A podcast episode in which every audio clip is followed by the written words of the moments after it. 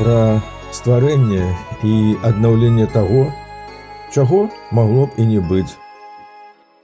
Як быць, таму чаму не быць, Хто дасць параду, хто падкажа, Дабро не змушана рабіць ланцу жыцця сябе сам звяжа. Прывітаннічка ўнука, Хочаш я табе раскажу пра тое, чаго быць не можа, А яно ёсць.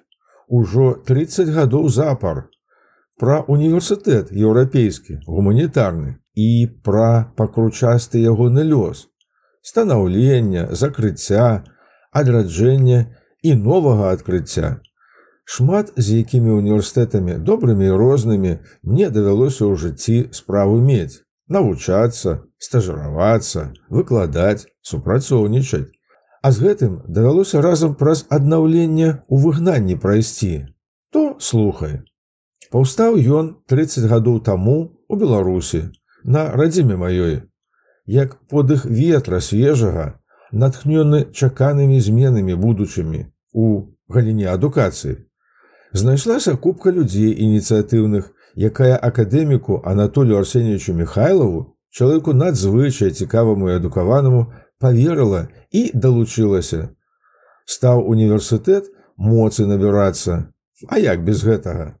Студэнты і выкладчыкі да яго пацягнуліся, бо вучыцца і выкладаць там было можна па праграмах наватарскіх, эксперыментальных, на мовах розных, з запрашэннем выкладчыкаў цікавых, з-за мяжы і самой краіны, да адукацыйных эксперыментаў здольных. Так і дзеда твой на чацвёртым годзе існавання універсітэта у ім апынуўся працу выкладчыка з кіраваннем музеем-запаведнікам у заслаўі спалучыўшы. Пакрысе, дзякуючы падтрымцы з-за мяжы і унёскам студэнцкім, універсітэт стабільнасць фінансавую займеў. І вядомасць у краіне ягоная пашыралася. Аўтарытэт пачаў расці. Нават міністэрства адукацыі ў 2000 годзе Нам з БДУ беларускім дзяржаўным універсітэтам разам даручыла балонскую мадэль навучання ў Беларусі ўкараняць, уяўляеш самымі сапраўднымі бакалаўрыятам і магістратураю. У гэты час унука і матуля твоя будучая да універсітэцкай прыступкі дарасла. Вучыцца да нас паступіла. Дзеду новую кафедру музеязнаўства і турызму давялося ствараць. Але гадоў праз 10 ад адкрыцця, Нешта пайшло вакол універсітэта не так. Пачаліся папрокі зверху. Нібыта выкладчыкаў зашмат замежных запрашаем. То рэктару Анатолію Арсеньевичу не двухсэнсоўныя прапановы рабіць сталі, каб сышоў.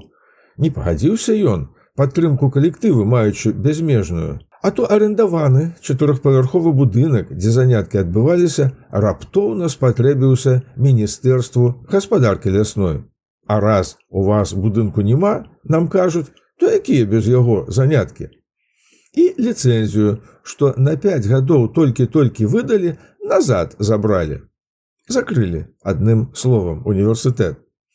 Цяжка перадаць стрэс, які перажылі студэнты і бацькі іхныя. У адміністрацыю прэзідэнта безадказныя петыцыі насілі, мітынгі пад сценамі вучэбнага будынку і флешмобы на цэнтральнай плошчы мінску ладзілі, все марна. Студэнтаў давялося ліхаманкава па дзяржаўных універсітэтах сталіцы размяркоўваць. А выкладчыкі з супрацоўнікамі без працы засталіся з перспектываю не самую прываблівую. Што можа адчуваць чалавек, які працу згубіў, А за навучанне абодвух дзяцей у той самы час плаціць трэба. Бо як на тую бяду яшчэ і сын, дядзька будучы твой унука, у гэтым годзе да нас паступіць з долю. І зноў спрацавала пытанне веры. Рэктар наш моцным чалавекам аказаўся, пабажыўся аднавіць універсітэт за мяжою, шырокую міжнародную падтрымку заклікаўшы. Дзякуючы ўраду літвы дазвол на аднаўленне працы ў вільні атрымалі. Але далёка не ўсе калегі поверылі ў Анатоля Арсеньевича. З васьмі дэканаў факультэтаў толькі трое рызыкнулі да ягонай ініцыятывы далучыцца.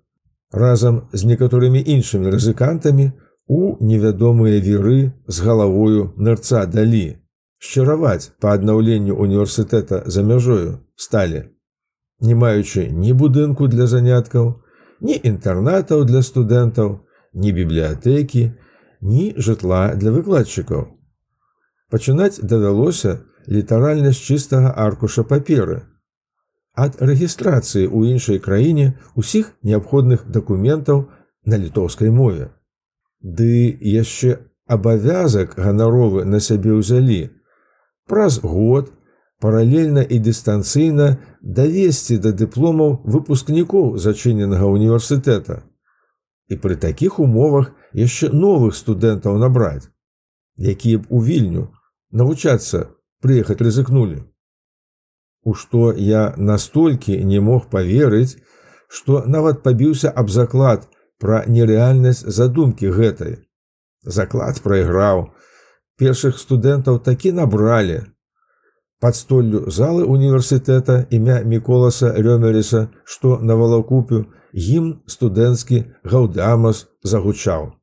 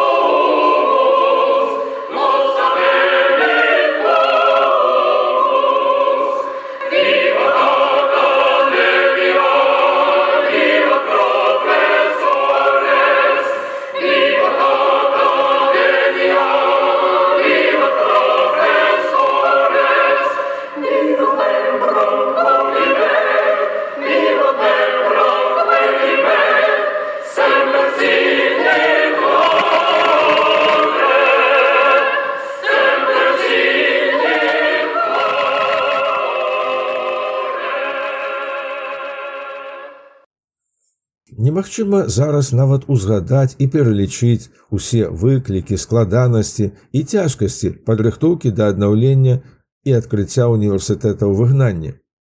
Арганізацыйныя, адміністрацыйныя, псіхалагічныя, палітычныя, кадравыя, лагістычныя. А можа, ужо і не варта ўсе, як вазілі кніжкі бібліятэчныя праз мяжу валіскамі і заплечнікамі, як ключы, ад кватэр арендаваных пакідалі ў скрынцы камеры для захавання на чыгуначным вакзале. Як ночыць у студэнцкіх інтэрнатах даводзілася на дзедлаўке і на саулетікес.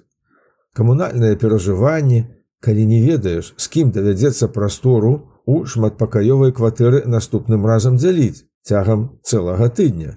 Як праграму адмысловую да дыстанцыйнага навучання прыстасоўваючыся разам са студэнтамі выкладчыкі засвойвалі. Як першыя гады адпачынак летні больш чым на два тыдні сабе дазволіць не маглі. Як да чалавечага адчаю, да зрываў нервовых і наведвання псіхатэрапеўту справа даходзіла. Але некалькі сюжэтаў узгадаць такі варта. Захавалася ў мяне паперчына, на якой у першыя дні навучання першыя студэнты праблемы ўласнаручна запісвалі, душу і рвучыя скаргі пабытовыя дэкану адрасуючы. Вось некаторыя з іх. Адзін душ і туалет на паверх чатыры клічніка. У пакоі халадно, вільготна, шмат тараканаў, брудныя сцены, подлога, батареі ў пакоях. Вельмі халадно. За ноч застывае гель для твару. У наш выходны панядзелак мы едзем да хаты, каб пабачыць бацькоў, а яны на працы. Люстэрка ў поўны рост, хаця б адно на паверх.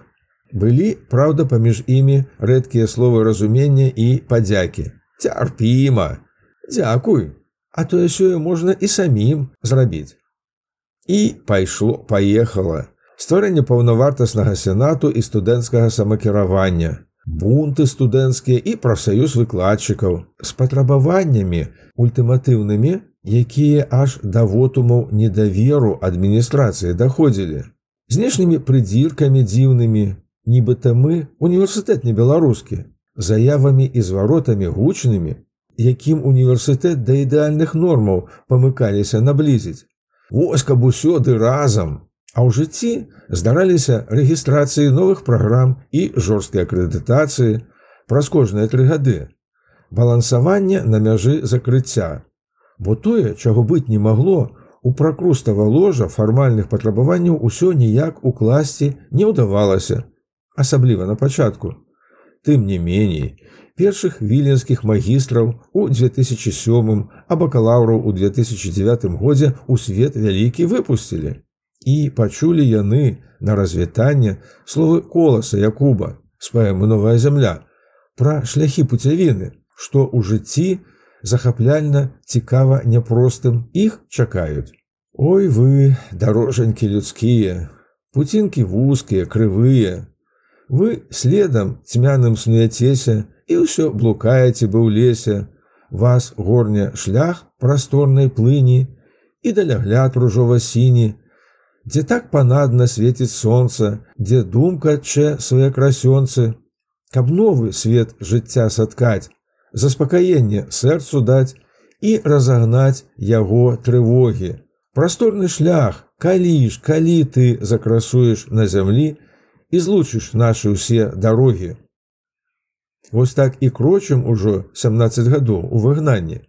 Ліберальную адукацыю па лепшых узорах Еўропы і Амерыкі ўкараняючы, шырокую гуманітарную. Асаблівую павагу уводны курс мова і мыслення выклікае. Душы студэнцкі абуджае, а часам пераварочвае. Пра сябе і месца ўласнае на гэтым свеце кожнага задумацца прымушае. Настаўніка, калегу з працэсу пражывання курса не выключаючы. Неяк у мяне гімн прысвячэння курсу гэтаму склаўся. Вось і ты, унука, паслухай. Мысленне без мовы не варта граша. За іх паасобку і брацца без сэнсу. Мысленне без мовы не дасць ні шыша, бо так і не знойдзеш між імі кансенсус. But language and thinking is really fun. I loved an undreamed combination. It's look like a modern humanities gun, which have to wake up Belarus as a nation. Супрацоўніцтва з дзясяткамі розных цікавых універсітэтаў усталявалі. Адмены студэнцкія і выкладчыцкія зноўку завіравалі з універсітэтамі Брытаніі і Нямметчыны, Грэцыі і Гішпаніі, Італіі і Казахстана, Турэччыны і Фінляндіі, Францыі і Швецыі.